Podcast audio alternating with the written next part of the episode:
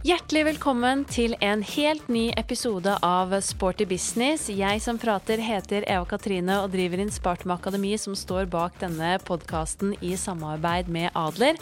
Og dette er jo podden for deg som jobber i treningsbransjen, eller som kanskje bare er nysgjerrig på hva som rører seg i bransjen, og som er opptatt av trening og helse og har lyst til å la deg inspirere av dyktige bransjeprofiler og fagfolk. Og jeg gleder meg jo igjen til å servere dere en episode med en ordentlig spennende og engasjert gjest i dag. Men før jeg røper hvem det er, så tenkte jeg at jeg ville bare dele litt av hva jeg har opplevd i det siste. For uh, det har uh, vært uh, noe litt spesielt på agendaen for både meg selv og et par andre i Spartum, for vi har nemlig vært på Rimini Wellness Festival i Italia, og det var min første gang på denne store store eh, fitness convention, eller festivalen. Og det har virkelig vært en enorm opplevelse. Det er jo en av de største internasjonale conventionene som fins. Og i løpet av denne festivalen eller convention så er det jo om lag 300 000 mennesker innom. Så det er bare så vilt stort. Det hele foregår da i Rimini, på et eh, område kalt Rimini Fiera, som består av 16 gigantiske gigantiske haller, nesten sånn som hangarer. Eh, og det er et altså så enormt eh, område at det er nesten litt sånn vanskelig å beskrive. Men i hvert fall, det rommer alt du kan drømme om for oss i treningsbransjen. Vi har møtt alle de siste treningstrendene i Europa, både stort og smått. Vi har sett alt fra sykling i vann til eh, trampolinegruppetimer. Vi har vært på silent functional-timer med øreklokker på ørene. Vi har sett eh, opp-ned-yoga. Nei da, anti-gravity-yoga. Vi har vært på dansetimer, step-timer, som vi har gått ekstremt mye på. Vi har i det hele tatt sett absolutt alt, og det har vært utrolig inspirerende. Det er kanskje ingenting som har vært sånn helt eh, Noe som har vært helt nytt, men kanskje andre eh, konsepter eller treningsformer som vi er kjent med, men på en litt annen måte eller en ny innpakning. Eh, og generelt har det jo vært veldig inspirerende å kunne gå på timer med ekstremt mange dyktige instruktører og la seg inspirere og lære. Så vi har blitt kjempeinspirert, og jeg kjenner bare med meg selv at jeg har kommet hjem med ny giv og har lært ekstremt mye av å være med på timer. Og så i tillegg så skjedde det jo noe vi aldri trodde skulle skje, nemlig at uh, sjefen for det som kalles for uh, Cruisin Fitness Wellness, de som har en egen eh, scene på Rimini Fitness Festival, kom bort til Andreas Mjøen, som er en del av Team Inspartum, og som gjestet podkasten for to uker siden, og spurte om han ville være med og kjøre en Team Teach-klasse. Og for i hvert fall alle oss i gruppetreningsverden, så er dette enormt stort. Eh, og det er sikkert noen som syns at dette høres litt eh, merkelig ut, men det er virkelig eh, nesten en litt sånn milepæl, vil jeg si, for norsk gruppetrening. Og enormt stort å bli plukket ut eh, til å kunne få lov til å være med og kjøre en av timene sammen med de enormt dyktige internasjonale presentørene. Så vi var jo mildt sagt i himmelen eh, når dette skjedde, og Andreas han leverte så utrolig bra, kun med bare 30 minutter til å forberede seg på. Så det var enormt eh, kult. Veldig stas. Og vi er selvfølgelig kjempestolte av Andreas, og en ekstra liten shout-out til Andreas i dag. Og så er vi spent på hvor dette fører videre. Men alt i alt en utrolig opplevelse på Rimini Wellness. Og for alle dere som hører på, hvis du vil investere i en tur til utlandet for å oppleve treningsbransjen i Europa og se hva som rører seg, og virkelig bare få påfyll på alt mellom himmel og jord, enten du elsker dans eller om du vil eh, gå på functional timer styrke, så kan jeg varmt anbefale Rimini Wellness, det var virkelig en stor opplevelse. Og jeg tar med meg masse hjem igjen. Så jeg kunne jo skravlet med dere om det i lang tid, men nå skal vi rette fokus mot eh, dagens tema og gjest. For sammen med meg i dag så har jeg Dan Skjolden. Eh, han er PT og jobber også i Premium-PT.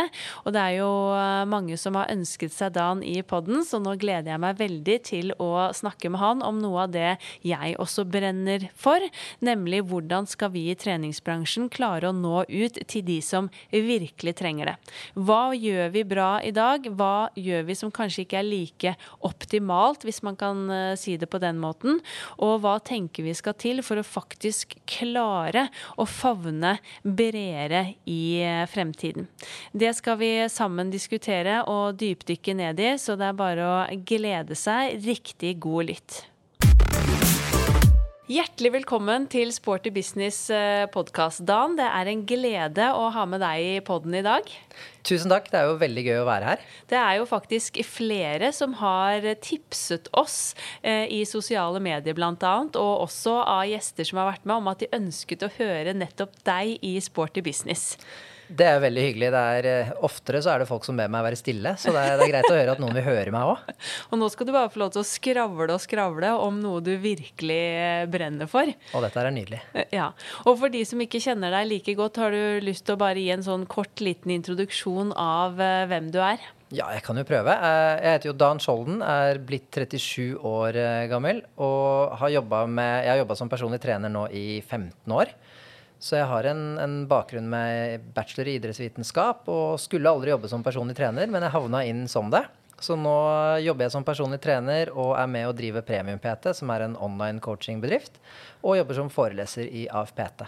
Ja, Så det var litt tilfeldig at du havnet i denne fantastiske treningsbransjen? Du, Det var kjempetilfeldig. Jeg eh, ante ikke hva jeg ville bli når jeg ble stor. Eh, og jeg husker at jeg skulle velge hva jeg skulle studere. Så tenkte jeg at ok, kanskje noe eh, økonomi eller kanskje noe eh, ja, litt forskjellige ting som jeg vurderte. Men så klarte jeg ikke lande på det. Og da ble det til at ok, men da drar jeg til Trondheim. Og så går jeg på idrettsvitenskap, for jeg syns jo idrett er gøy. Og jeg har jo gått på idrettslinja, så tar jeg det fram til jeg skal finne noe annet. da. Og så var det veldig spennende der. Eh, og vi begynte å trene sammen en gjeng. Og så fant jeg ut at det var jo litt gøy å lede treninger og liksom kjøre på med det. Ja. Så når jeg flytta tilbake til Oslo og fortsatte på idrettsvitenskap, så tok jeg meg jobb som deltids-PT ved siden av studiene. Jeg skulle jo aldri bli PT. Det var, jo, det var jo et arrogant folkeslag som drev og tok masse betalt for at folk skulle se litt bedre ut på stranda. Det var liksom min tanke. Ja, ja. Uh, men uh, det var så nydelig, og jeg husker fortsatt den den, hva skal jeg si, det øyeblikket vi har skjønt at ok, dette her har noe i seg. da, det var, Jeg hadde trent en, en eldre dame en god stund, og hun hadde jo betalt masse penger for å kunne legge på 15 kg mer i beinpress. Ja, og det tenkte jeg jo yay, det er jo verdt så mye penger. uh, men så kom hun tilbake etter vinterferien og sa det at du Dan, nå må jeg bare fortelle noe. For nå har jeg for første gang klart å være med i slalåmbakken og stå på ski med barnebarna mine. Og da tenkte jeg at ok, kanskje det er litt mer enn den strandkroppen som folk får ut av dette her. Fantastisk. Så, så, det var min vei inn i, i PT-yrket. Ja. Når du sier at du det, har studert idrettsvitenskap, har du gått på idrettshøyskolen her, eller hvor har du vært? Eh, jeg starta på, på NTNU, mm -hmm. så jeg begynte på idretts- og bevegelsesvitenskap der. Og så jeg, gikk der i to år, og så flytta jeg hjem igjen til Oslo, og så fortsatte jeg og fullførte på, på NIH. da. Ja. Så, så, jeg tok en bachelor i løpet av fire år. Ja, ja. kult. Men uh, hva syns du er det aller beste med treningsbransjen, da? Ja, det, det, er så mye positivt, men jeg, men jeg syns det er den, der, den positive stemninga som ofte er å, å oppdrive. Da. Er, uh, vi jobber jo med noe som gjør folk glad og gjør folk bedre. Det er, det er, så veldig synlig den forskjellen vi kan være med å gjøre. Og det, det syns jeg er utrolig positivt. At du virkelig ser du ser hvilken forskjell folk får ut av det du holder på med. Mm. Ja. Hvordan ser arbeidshverdagen din ut i dag, da?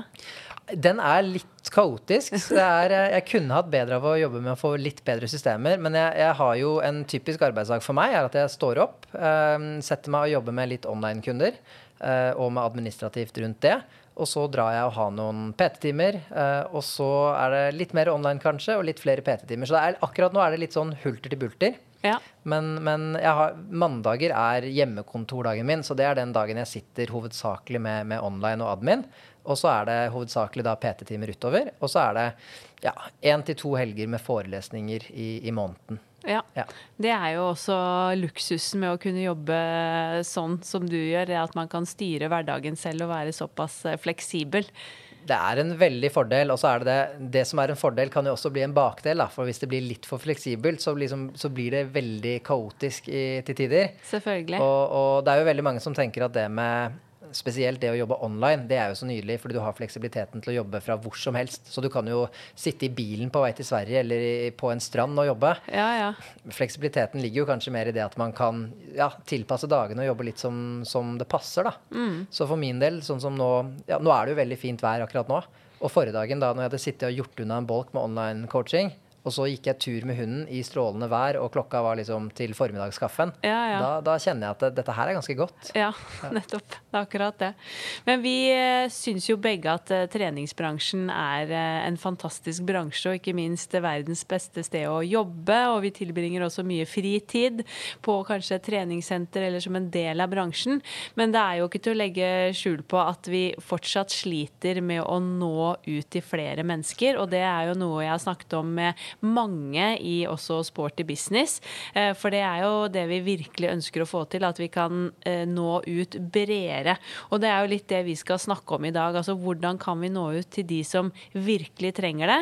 Og hvilke utfordringer har vi i bransjen per i dag som gjør at det kanskje stopper opp litt. Eh, Men hva tenker du sånn overordnet skal til for å klare å rekruttere nye medlemmer til bransjen i dag? Jeg tror at Noe av det viktigste der er at vi er nødt til å snakke dem sitt språk. Da. Vi er nødt til å snakke et språk de forstår. Mm. Det kan være veldig lett at vi i bransjen har jeg, merker, jeg merker det veldig på meg selv og veldig mange av de jeg snakker med. Vi, vi har en tendens til at vi liker jo gjerne å diskutere de kanskje siste 10 prosentene av hva som er interessant innenfor forskning, for trening og kosthold osv. Det som liksom utgjør detaljene. Men for folk flest så er det jo ikke der det ligger. Det handler om å kanskje få de der gjennomførbare rådene.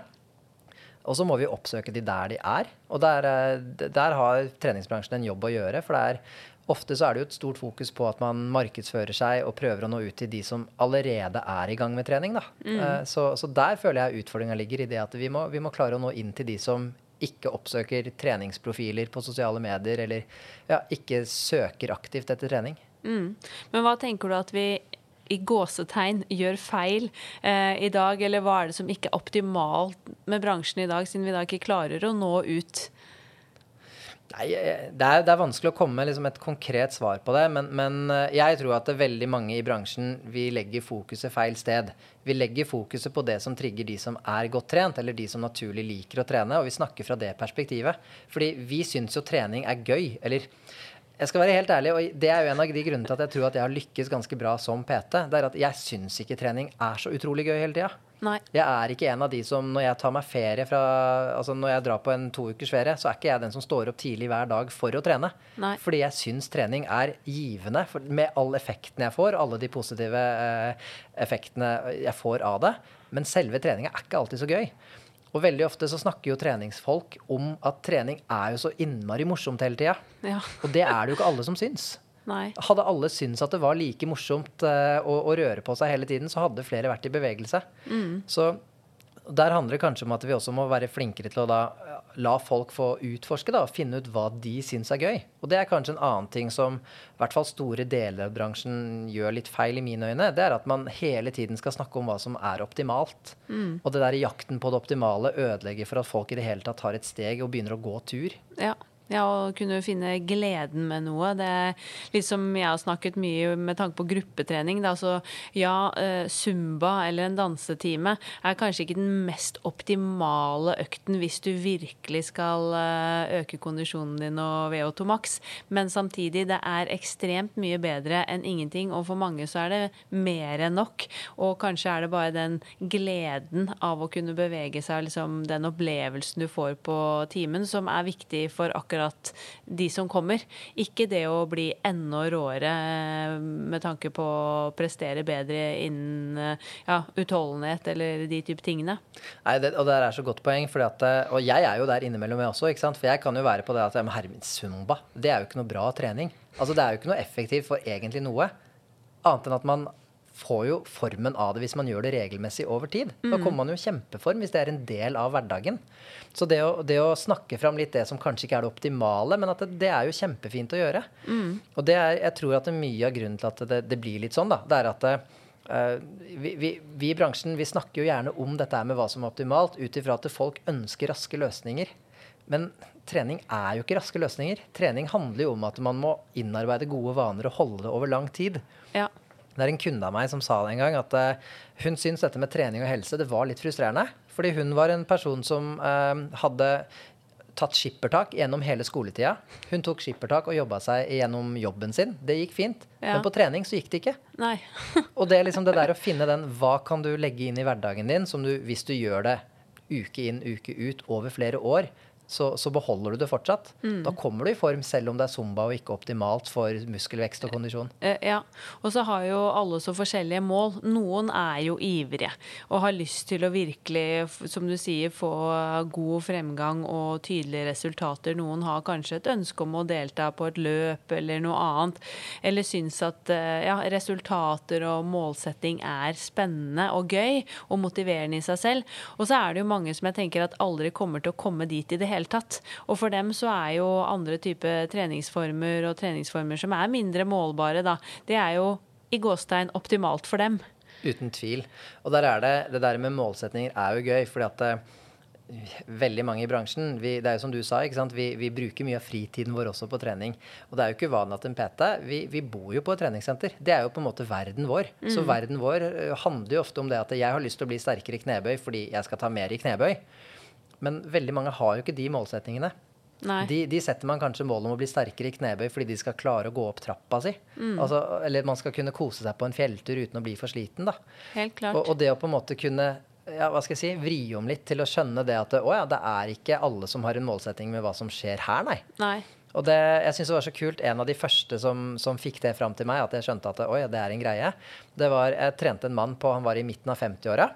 Når vi starta å trene, så var det jo de typiske målsetningene. Han ønska å gå litt ned i vekt, han ønska å få litt mer muskler og bli litt sterkere. ikke sant? Alle de tingene der. Så vi jobba jo mot det. Så tror jeg vi hadde hatt en sånn seks-syv timer. Og så sa han til meg du Dan, jeg vet at jeg snakka litt om målsetningene på vekt og på alt det, og, og jeg vil jo egentlig nå det, men, men jeg har funnet ut at det viktigste for meg, det er egentlig at hvis du ser for deg at du går bortover Hvis du er ute på tur da, og går bortover en vei eller en sti eller i skogen, ja. så ser du et sånt gjerde. Jeg har lyst til å kunne ta løpefart og bare hoppe over med begge beina på, på siden av det gjerdet. Ja, ja. Sånn som jeg gjorde når jeg var ung. Det var hans målsetning. Og det mm. var å, å, komme tilbake i den kroppen han følte at han egentlig hadde. Ja. Uh, og, og, for meg så var jo det litt sånn Jeg var jo da i starten av 20-årene og tenkte at å ja, men vi må jo finne ut av hvor mye RM i knebøy du har. Ja. Det, ja. Men, men, og den syns jeg er fascinerende. Da. Det at det, det, å komme i form er jo så utrolig individuelt. Ja. Allikevel så har mange i treningsbransjen en sånn trang til å presse inn at det å komme i form, det er å løpe en mil på under 50 minutter, f.eks. Mm. Uh, ja. ja, og man kan jo også diskutere ok, hva betyr ordet optimalt. Ja. Altså, hva, det er jo så forskjellig optimalt for hvem. Eh, det som er optimalt for deg eller meg, vil jo nødvendigvis ikke være optimalt for eh, en annen. Så ordet i seg selv kan man jo også diskutere. Absolutt. Og nok en gang så tror jeg at mye av det går jo på det at eh, folk ønsker raske løsninger. Og hva er det vi gjør da? Vi prøver å tilby dem raske løsninger. Så når vi snakker mm. om hva som er optimalt, så går det på hvordan bygger du mest mulig muskelmasse på kortest mulig tid. Og så er det jo da at folk går jo, kjører jo på med det, og så glemmer man kanskje det at det, Men det er jo ikke kortest mulig tid som er egentlig målet da, for veldig mange. Det er Nei. jo at de skal ha den kroppen med seg gjennom hele livet.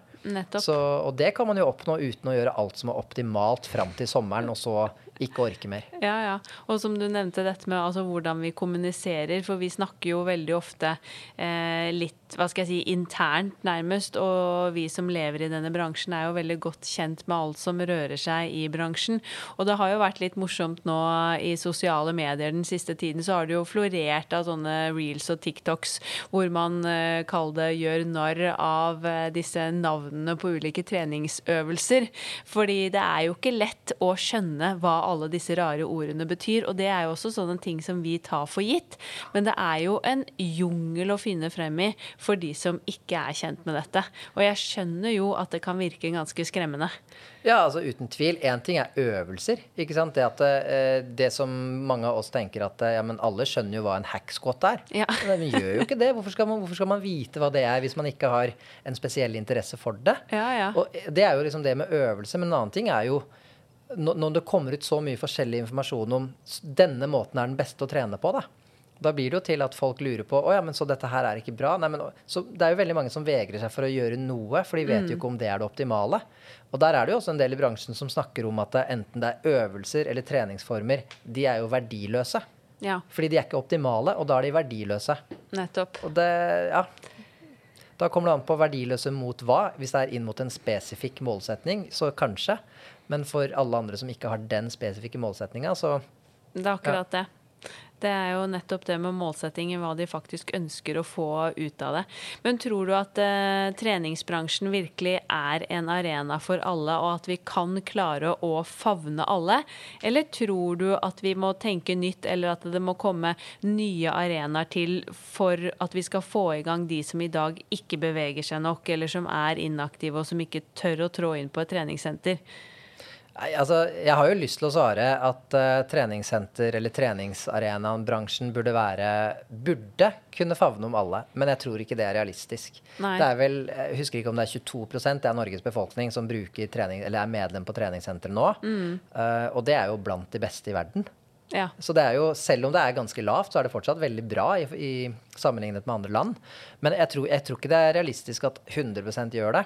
Men at langt flere kunne ha blitt, uh, blitt med, da. Det, det tror jeg. Mm. Men nei, jeg, jeg, tror nok at vi trenger å tenke nytt på hvordan vi skal kunne få med flere. Hvordan, hvordan skal vi favne flere? Altså, se på når Pokémon Go kom. Ja. Det, er jo, det er jo ikke noen ting som har fått flere folk til å bevege seg enn det. Nei.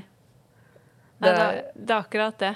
For uh, ja, vi snakker jo hele tiden om at liksom, vi må gjøre noe nytt, vi må nå ut bredere. Men samtidig så føler jeg at vi også gjør veldig mye av det samme, men forventer et annet resultat. Ja. Vi åpner de samme fancy sentrene, vi leverer de samme produktene. Det er veldig mye av det samme. Uh, og det hjelper jo ikke med å nå ut til de vi allerede har sett at dette er ikke interessant for, da. Nei, og, og der er det sånn Altså, jeg syns jo virkelig at folk skal skal få markedsføre seg eller jobbe inn mot den målgruppen de vil. Sånn at uh, veldig ofte når jeg snakker i sosiale medier f.eks., så, så virker det som om jeg mener at man ikke har lov til å jobbe mot toppidrett eller noe sånt. Og det er jo ikke det jeg mener. Men hvis man går inn med en tanke om at uh, vi ønsker å gjøre noe for folkehelsa, vi ønsker å være til for de som trenger å trene, da syns jeg det er ganske jeg synes det er ganske dust når treningssenteret da liksom slår opp med at vi åpner et nytt treningssenter, vi har markedets beste utstyr. Mm. Og det er sånn, ja, men er det utstyret som gjør at tante Olga sitter hjemme? Ja, ja. Er det det at det er teknogym og ikke, ikke det, det, det, er ikke der det ligger. Nei. Nei. jeg har snakket med flere også nå senest. Eh, vi var på Wingcamp for eh, noen uker siden, treningsreise, og da var det faktisk flere av de som var med, som nevnte for meg at de savnet Da snakker vi mye om gruppetimer, da, men savnet gruppetimer på sitt senter med ulike nivå. Eh, for de ønsket faktisk også timer med da lavere nivå. For at de turte ikke eller følte ikke at eh, de kunne gå på enkelte timer. Fordi at eh, der var alle mye bedre trent, og det gikk i et forrykende tempo. Det var kanskje vanskelige øvelser. Og de syntes at det manglet ulike nivåer. Så det tenker jeg i hvert fall er sånn take home message til mange sentre. At vi bør være litt flinkere på å faktisk tørre å differensiere og legge opp et tilbud for ja, alle typer medlemmer. For det står jo ofte sånn denne timen passer for alle. Men så er det jo ofte de sprekeste, mest ivrige da som møter opp. Og da er det jo ikke like lett for de som akkurat har begynt å trene, eller som føler at de er ikke på det nivået, til å faktisk føle at her hører jeg hjemme. Nei, og, og da, da, sier det seg jo selv at man har bomma et eller annet sted. Da, fordi det er jo en helt naturlig del. Altså, det er jo ingen som liker å føle at de ikke strekker til. ikke sant? Og, og, en av de vanligste grunnene for å ikke trene på treningssenter, eller for å ikke melde seg inn eller kjøpe PT, det er jo at jeg må vente til jeg er i litt bedre form. Ja. og jo, da, da, har man jo på en måte sagt at ok, men vi klarer jo ikke å treffe dem. Så tror jeg, For jeg har jo hatt en del gruppetimer opp igjennom, jeg også, og da er det jo gjerne sånn at uh, i utgangspunktet så skal det jo passe for alle. Men de fleste som kommer dit, de har jo vært på en gruppetime eller to før. De mm. har jo trent før. Og sakte, men sikkert så blir jo timen forma litt og litt mer etter dem. Ja. Og det er liksom fordi at det, det er jo de som gjør mett ut av seg, og, og da er det jo veldig lett for de andre å kanskje falle av, da. Mm. Og så tror jeg nå skal jeg ikke snakke for alle, men jeg tror kanskje en del av oss i bransjen også har vært litt redde for å lage disse eh, timene med ulike nivå. For man tenker at ja, men folk vil kanskje ikke gå på en time som heter nybegynner, eller som heter nivå 1 eller lavterskel eller hva enn man ville kalt det. Men jeg tror faktisk at det hadde appellert mye bedre enn det vi kanskje tror. Eh, fordi da føles det tryggere enn å gå med de som er i gåstegn superspreke. Ja, ja. Og det er, det er jo veldig mange som har altså en, De engster seg jo for å gå på treningssenter i det hele tatt. Mm. Og hvis du da kommer med en hardcore mania booty building-time, så er det liksom, da hadde jeg selv vært litt redd for Og skal jeg på det? Jeg tør jo så vidt å gå inn her. Ja. Så ja. Men hvor viktig tror du et samarbeid med helsetjenesten er for å eventuelt kunne favne bredere, eller at det skal bli en arena for eh, mangfoldet? Jeg tror det er viktig. Jeg tror, at, eh, jeg tror at det kan sitte veldig mye verdi i det at, eh, at det kommersielle, da, treningsbransjen, snakker bedre sammen med, med helseaktører. Og at man samarbeider bedre. Um, det har jo begynt å komme seg i større og større grad, og det er kjempebra. Du har jo aktører som PT-gruppen, som, som, jobber godt inn mot Nå fikk de vel på plass en samarbeidsavtale med Sykepleierforbundet Ja, og sånt nå. Så du har jo aktører som jobber for det, og det er kjempebra. Uh, så vet jeg jo også at det er veldig mange som, som går til legen sin f.eks. og med livsstilsproblemer, men de får ikke noen særlig uh, guiding på hvordan de skal gjøre noe med livsstilen sin. Nei. Og der, så jeg, jeg føler at det er, det er fortsatt mange hull å tette der, og liksom skape broer imellom da helse og, og trening. Um, og jeg tror at mye av veien ligger i det, altså for å kunne nå ut til de som ikke trener i dag. Ja. Men hva tenker du at eh, hvis vi tar PT-perspektivet, da, den enkelte PT kan gjøre for å klare å kanskje rekruttere nye kunder, nå ut litt bredere? Det er jo også en, en annen problemstilling for PT-er. Altså det å klare å eh, selge og i det hele tatt skaffe flere leads og få flere mulige kunder.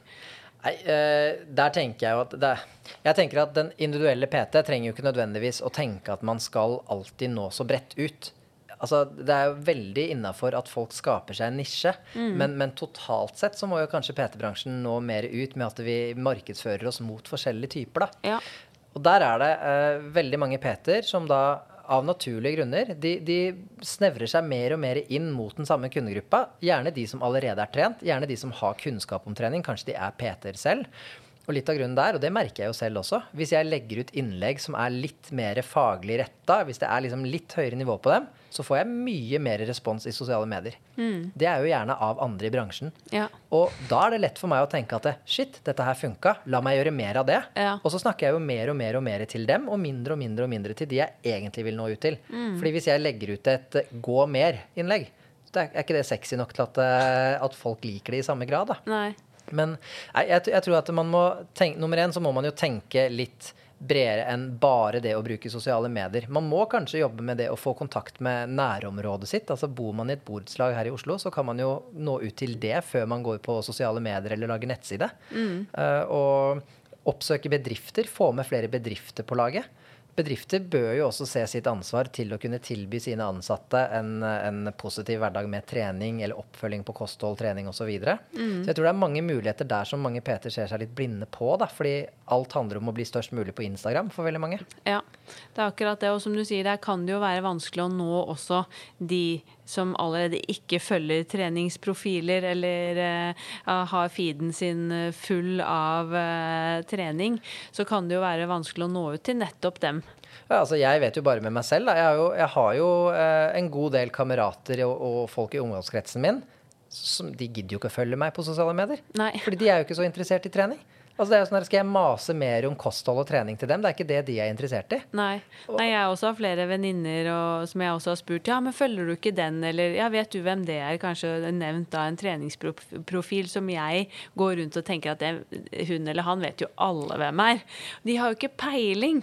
Aldri hørt navnet, følger ikke sosiale medier, ikke interessert. Men det er jo også fordi at øh, det er jo ikke noe de følger med på til vanlig. Men Hvilken interesse har de av å lese, lese om trening når de ikke er så interessert i det? da? Ja, Det- ja, det er akkurat det. Men det er jo mange grunner til at uh, vi opplever at mange kvier seg for å gå på et uh, treningssenter, bl.a. kroppspress. Mm. Det er det jo stadig snakk om. Og selv om det har blitt mye, mye bedre, uh, så er det fortsatt et fokus i bransjen. Og jeg tror noen ganger, selv om vi i bransjen liker å tro at vi har blitt veldig mye bedre på det, så er det mange utenfor bransjen som igjen ser på oss og opplever at her er det kroppspress. Eh, hvordan ser du på kroppspress eller kroppsfokus i bransjen i dag? Jeg, liker egentlig bedre å si kroppsfokus. fordi eh, kroppspresset det tror jeg egentlig det er liksom mer det individuelle. da, som altså Jeg som person som tenker at å, folk presser meg til at jeg må ha en type kropp. Men, og der syns jeg ikke treningsbransjen er egentlig.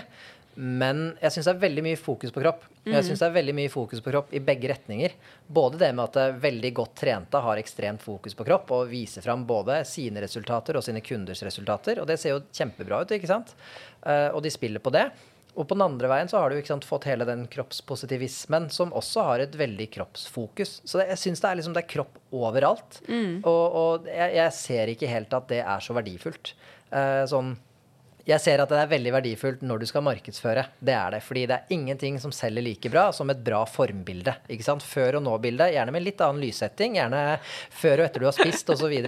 Mm. Da selger du. Og det vet vi. Vi i Premium-PT har jo valgt å ikke bruke formbilder i markedsføringa vår. Og det er mm. rett og slett fordi vi vet at det er, en, det, det er så lett å manipulere, og det kan virke mot sin hensikt for veldig mange. Og så er vi sikre på at hvis vi hadde begynt å gjøre det, så hadde vi fått inn ganske mange flere kunder ganske fort. Fordi mm. vi vet at det selger. Men der syns jeg at mange aktører burde kjenne liksom et ansvar for å faktisk da kanskje prøve å snakke mindre om kropp og mer om andre effekter av trening. Mm. Um, jeg leste nå var forrige dagen, så var det en, en, PT i bransjen som er kjempedyktig. En jeg ser opp til med både kunnskap og, og egentlig mye væremåte. Hun la ut en sånn uh, Hun hadde en tankerekke hvor det da gikk på at uh, de aller fleste trener jo for å se bra ut. Uh, og da måtte jeg google litt, da, fordi de fleste undersøkelser viser jo at det er helse og velvære som troner. Men de fleste trener for å se bra ut, som hovedfokus. Og det baserte hun på at for det er det de fleste hun møter, oppgir. Ja. Men da tenker jeg at hvis du selv har et veldig stort fokus på å fronte kropp, så er det jo kanskje det du tiltrekker deg, da. Mm. Det er jo, Hvis du er golftrener, så vil de fleste du prater med, kanskje være interessert i golf. Ja, ja. Så, så, hvordan vi prater, vil jo være med å påvirke hva folk da faktisk begynner å rette fokuset sitt mot. Mm. Og der er det mange i bransjen som kanskje er forbilder for en del. Og jo mer da forbildene snakker om kropp og er fokuserte på at liksom, hvis du poserer på denne måten, eller hvis du gjør dette, så får du fram stripene på rumpa bedre, da tenker jeg at det er mange som sitter her og Å ja, det har jeg ikke tenkt på før. Nå skal jeg begynne å fokusere på det. Mm. det så jeg, jeg, har ikke noe godt svar på det, men jeg, jeg, jeg personlig syns at det er for mye kroppsfokus i alle veier. Og også når det kommer til den trenden som da har vært med at folk legger ut bilder av seg selv med liksom Ja, sånn ser en vanlig kropp ut. Du har helt mm. sikkert sett det. ikke sant? Her er jeg posert, her er jeg ikke posert. Mm. Men du er fortsatt gjennomtrent i forhold til Norges befolkning. Ja. Jeg vet om folk som står der og snakker om at 'Å, jeg har blitt så dvask, jeg. Jeg har lagt på meg to kilo i sommer.' Ja, ja. Foran folk som veier 140 kilo, som står rett ved siden av. Mm. Da føler jeg liksom at vi kanskje har litt for tunnelsyn. Ja, jeg er enig med deg når det gjelder dette med kroppsfokus. Fordi denne kroppspositivismen og mye som går i den retningen, har jo vært et litt sånn øh, Hva skal jeg si opprør mot da det som kanskje har mer fokus på kroppspress eller liksom strong is the new skinny og alle disse tingene som har kommet opp, og fokus på veldig veltrente kropper osv. Samtidig så dras det også helt i ytterkanten på kall det skalaen andre veien. Eh, og selv om det er positivt, så er det fortsatt, som du sier, det er kropp, kropp, kropp i feed eller monitor eller hvor enn du er hele tiden, istedenfor at det er fokus på, som du sier, noe annet. Spørsmålet er jo klarer vi å kalle det selge det? Er det spennende nok å høre om hvor god søvn du får, eller energi, god til å konsentrere deg? Vil vi klare å, å selge det, tror du? Eh, ja, det tror jeg. Ja, det, jeg vet om flere Peter som selger seg på det og har gjort det, gjort det, hele veien. Men jeg tror at det for mange kan være vanskeligere. fordi at det, eh, det er veldig mange som sitter der hjemme da, og som ikke helt er bevisst på hva egentlig behovet deres er. Så de tenker jo at målsettinga deres er å kanskje gå ned noen centimeter rundt midjen for å passe inn i yndlingskjolen sin. Mm. Men så har du jo kanskje egentlig behov eller målsettinger som ligger bak der igjen. Jo, jo, flinkere vi er til å kartlegge det, og jeg, jeg, tror at jo flinkere vi er til å bringe på banen det med alt av dette med mestringsfølelse, alt av dette med treningsglede, som jeg vet du er opptatt av når du snakker om zumba, at liksom folk vil ha det gøy. da. Mm. Men det med mestringsfølelse og det med å bygge en fysisk kapasitet da, Uh, og, og der, jeg, jeg er veldig glad i å tenke at uh, for veldig mange så er det jo fysisk frihet som er kanskje det oppriktige målet. Og med fysisk frihet så mener jeg at man har lyst til å kunne gjøre det man vil. Man har Mm. ikke lyst til å bli begrensa av at man er i for dårlig form til å gjøre noe. Og, og jeg tror at det er veldig mange historier som, som går på det at eh, vet du hva, her har du fått en person fra å Jeg har en person. Jeg har en, hun er nå 78 år gammel. Hun har bytta ut hofter og knær. det Ja. som er. Og jeg hadde trent henne en god stund før hun plutselig kom til meg og sa det at eh, nå har jeg for første gang på åtte år klart å ta meg et bad. Ja. Og da tenkte jeg, hva mener du med det? Nei, men jeg har jo ikke hatt bevegelighet eller styrke nok jeg, til å ta meg et bad i badekaret hjemme. Nei. Før nå. Så for hennes del så har jo treninga gjort at hun kan gjøre en ting hun har savna i mange år. Andre som da har måttet flytte fra tredje etasje til første etasje fordi de er ikke i stand til å gå opp trappene lenger. Ja, ja. Og det å fokusere på at veldig mange, spesielt da eldre, vil jo få et helt nytt liv med å komme i bedre form. Men jeg kjenner jo, jeg begynner jo å bli såpass voksen at jeg har folk rundt meg nå som er mine kamerater, som er da rundt 37 år. Men fysikken er jo langt unna der hvor en 37-åring kanskje burde være, i forhold til hva man får til. Mm, det er akkurat det. Så jeg, jeg føler at det, treningsbransjen i stor grad, at veldig mange i hvert fall, burde være enda flinkere til å fokusere på helsemessige effekter og hva man faktisk kan utgjøre av fysisk kapasitet. Mm. Men hva tenker du er det som driver kroppsfokuset fremover i dag? Da er det først og fremst altså Peter og instruktører i bransjen? Er det bransjen selv? Er det sosiale medier? Er det kall det andre medier som VG og Dagbladet som reklamerer for eh, sixpack på seks uker osv.?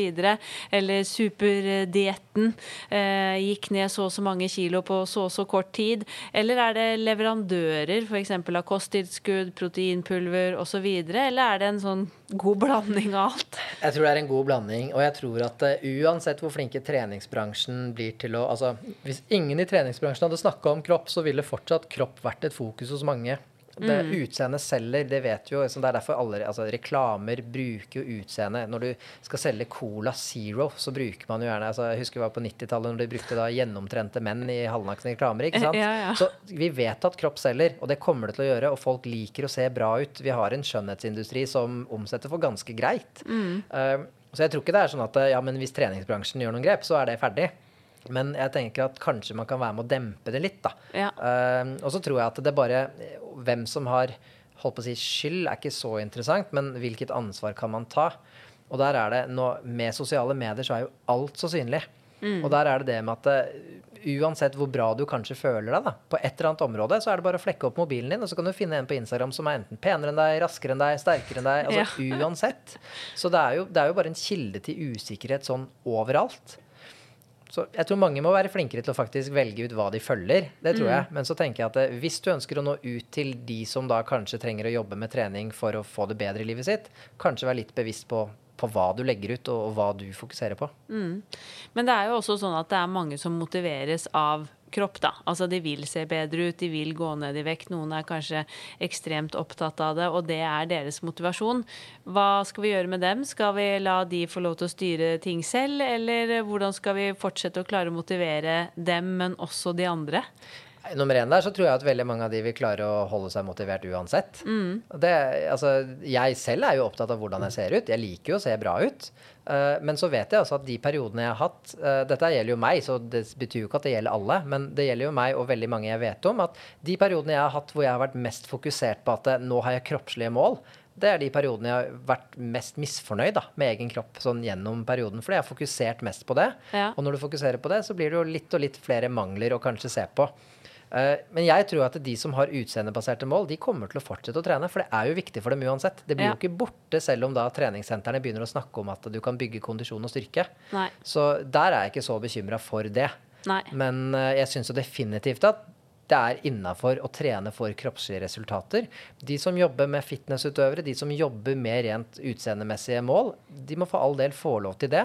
Men det er veldig mange PT-er der ute som sitter på PT-utdanninga første dagen og sier 'jeg brenner for å gjøre en forskjell for folk og utgjøre en god folkehelse'. Er det det de egentlig vil, når man ser på hvem de ønsker å nå ut til? Mm. Det, så, så, der tenker jeg at man skal i hvert fall være bevisst på hvem er det jeg ønsker å nå med budskapet mitt, og hvordan må jeg forme budskapet da. Ja, jeg tror jo alle PT-er og også instruktører bør, som du sier, litt sånn gå i seg selv og da tenke etter hva er det du egentlig ønsker å levere, hva ønsker du å stå for, hva ønsker du å fronte, eh, men også at vi oppfordrer kundene våre til å kjenne litt på det og ta stilling til hva er mitt mål. For man blir jo veldig påvirket av disse sosiale mediene, da, eller andre eller kollegaer eller andre medlemmer på senteret. Og jeg selv har jo også vært eh, ja, i løpet av mange år på både idrettshøyskole og utdanning og mange år i bransjen, så går man jo opp og ned, og så får man ulike input.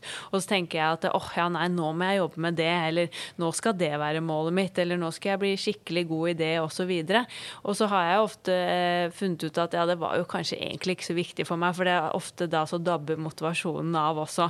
Men så kanskje har vært også mer utseenderettet eller kroppsfokusrettede mål, da.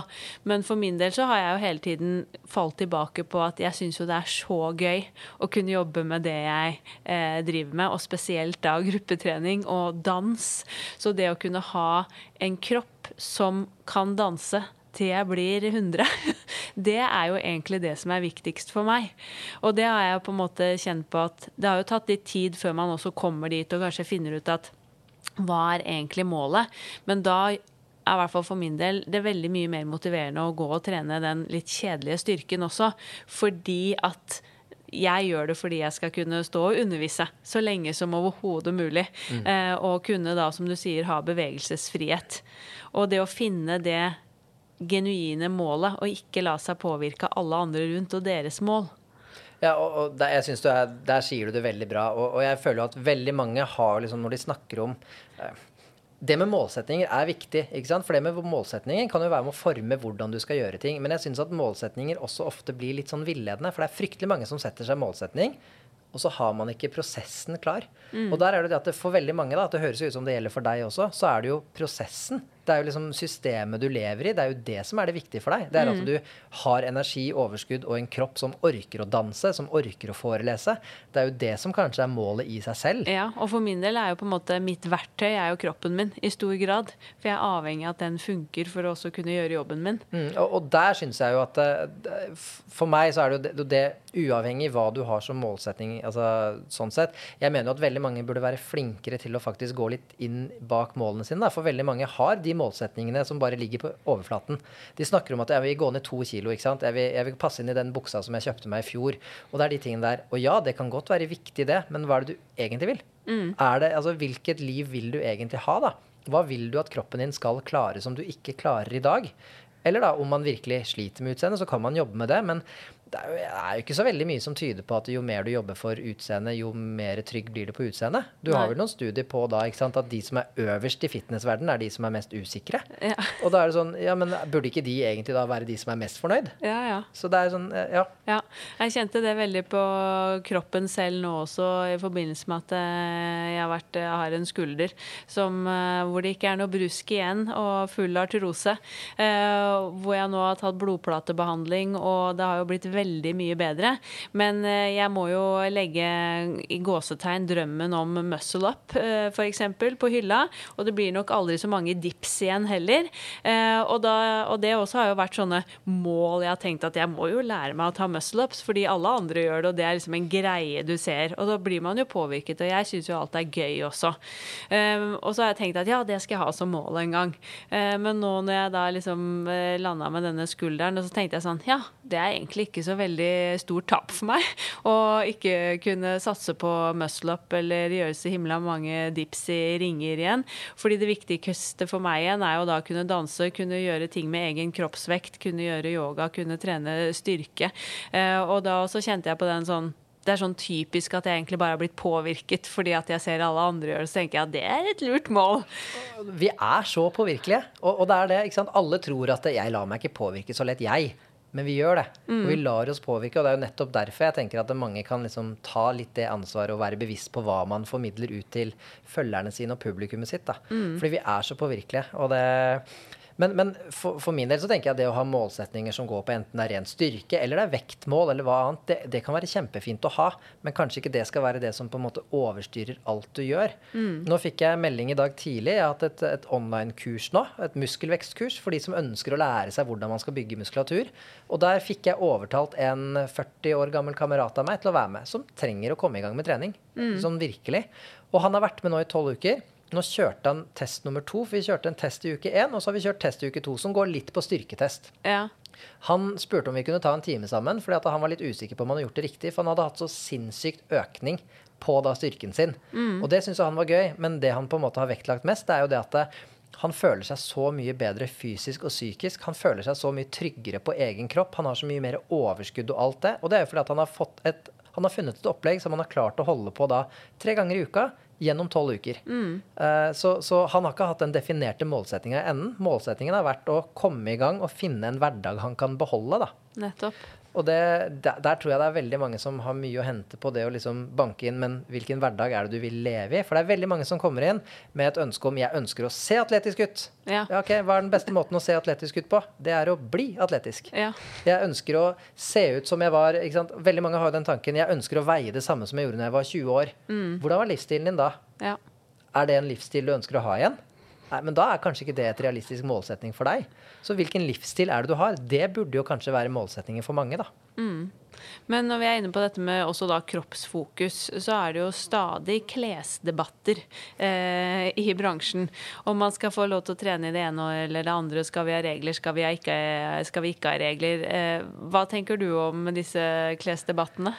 Åh, jeg blir så uh, jeg, jeg, blir, jeg, blir, litt oppgitt når jeg leser i aviser og sånt om at noen står fram og føler seg krenka fordi de får ikke lov å trene i hva de vil. Og da tenker jeg på generell basis la folk trene i akkurat hva de vil. Altså Jeg kunne ikke brydd meg mindre om hva folk trener i der de er. Men på den andre side så syns jeg det er helt innafor at treningssenteret setter en kleskode, eller at man setter noen regler for hvordan man vil ha det hos dem. da. Mm. Jeg var akkurat i Paris en tur. Og der fikk jeg ganske streng beskjed om at det var kleskode på restauranten jeg skulle. Mm. Og det var jo ikke noe sånn at jeg blei furt og sto fram i avisa der og sa at jeg må ha pensko på meg. altså, og én ting er restaurant, det skader på en måte ikke, men på treningssenteret, så vi, vi sa det i stad, veldig veldig mange unngår å gå på treningssenteret fordi de føler ikke at de er i god nok form. Mm. Og her er utgangspunktet 100 enig med, med, de som tar standpunktet med at men vi burde få trene i hva vi vil uansett hvor det er.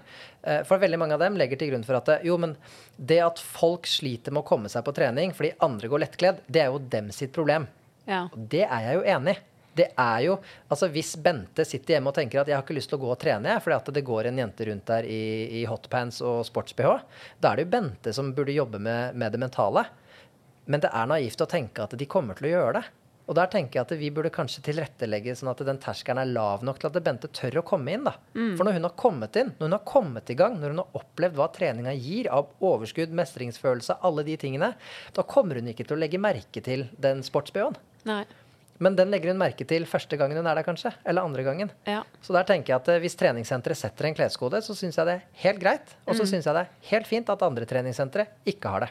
Ja, ja det, jeg er enig i at det viktigste er jo at man tar standpunkt til hvordan man ønsker å ha det hos seg, og hvilke retningslinjer man vil ha, trivselsregler, og hvorfor gjør man det.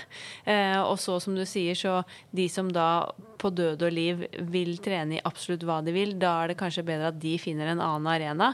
Og du kan selvfølgelig gjøre det utendørs og hjemme hos deg selv og alle andre steder. Og så må du være, som du sier, lov for sentrene på lik linje som restauranter å faktisk sette en eh, ønsket eh, kleskode.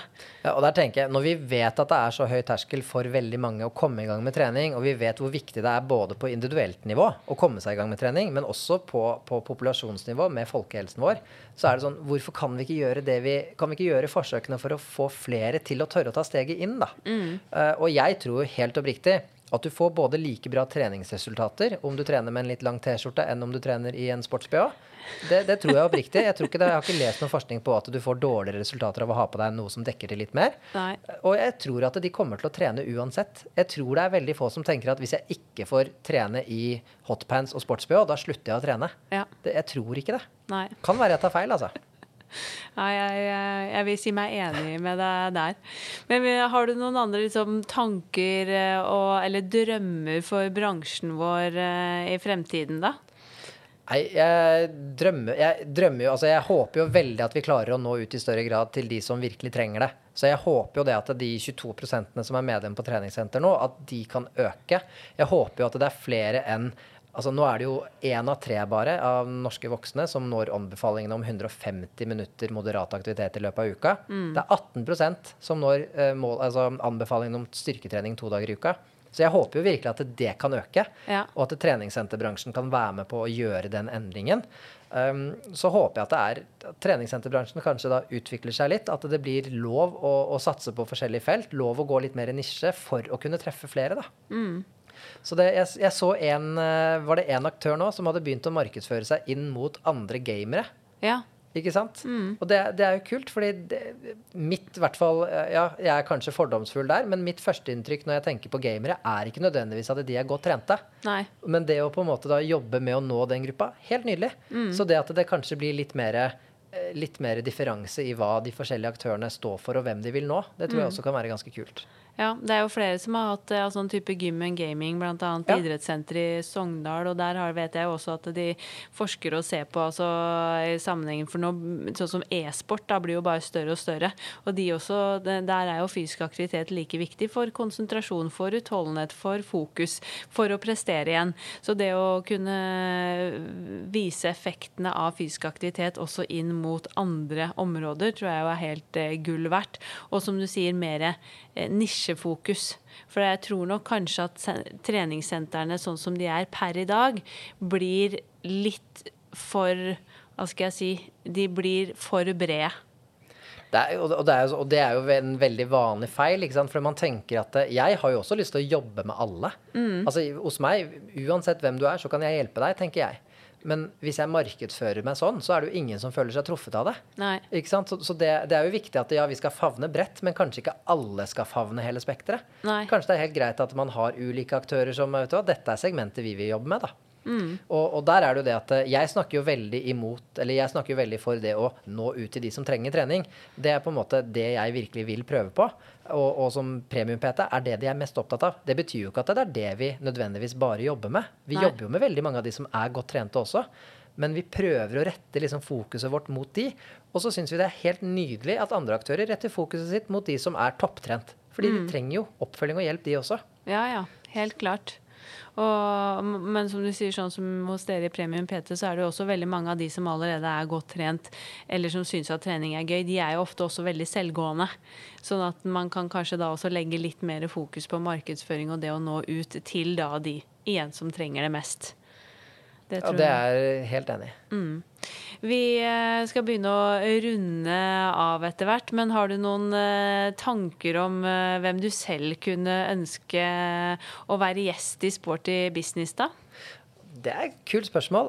Det er jo flere som jeg syns er veldig interessante å høre på i teamet vårt så har vi jo en, en eh, PT som er utrolig kunnskapsrik og, har mange gode tanker, og det er Maren Hovdenak. Mm. Lang fartstid i bransjen som PT. Hun kunne jeg absolutt uh, tenkt meg å sitte ned og hørt på. Ja, herlig. Eh, Barbro Sæta ja. er jo en veldig fornuftig dame som har mye klokt å komme med. Mm. Ja.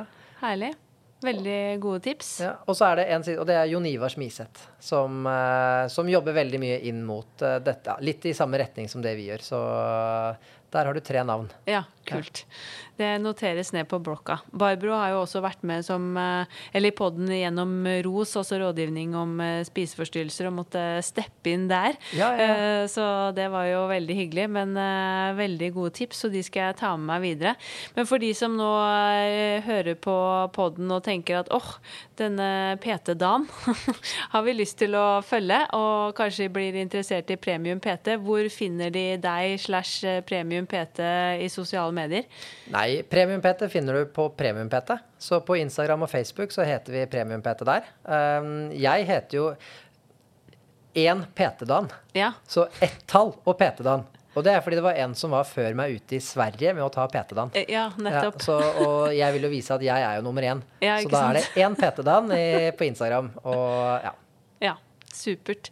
Veldig hyggelig, fin og interessant prat som jeg tror mange kommer til å sette stor pris på. Og så håper jeg at vi virkelig sammen klarer å utgjøre en enda større forskjell i tiden fremover. Så tusen hjertelig takk for at uh, du tok deg tid. Tusen takk for at vi kom med, og takk til alle de som av en eller annen grunn har foreslått meg, da.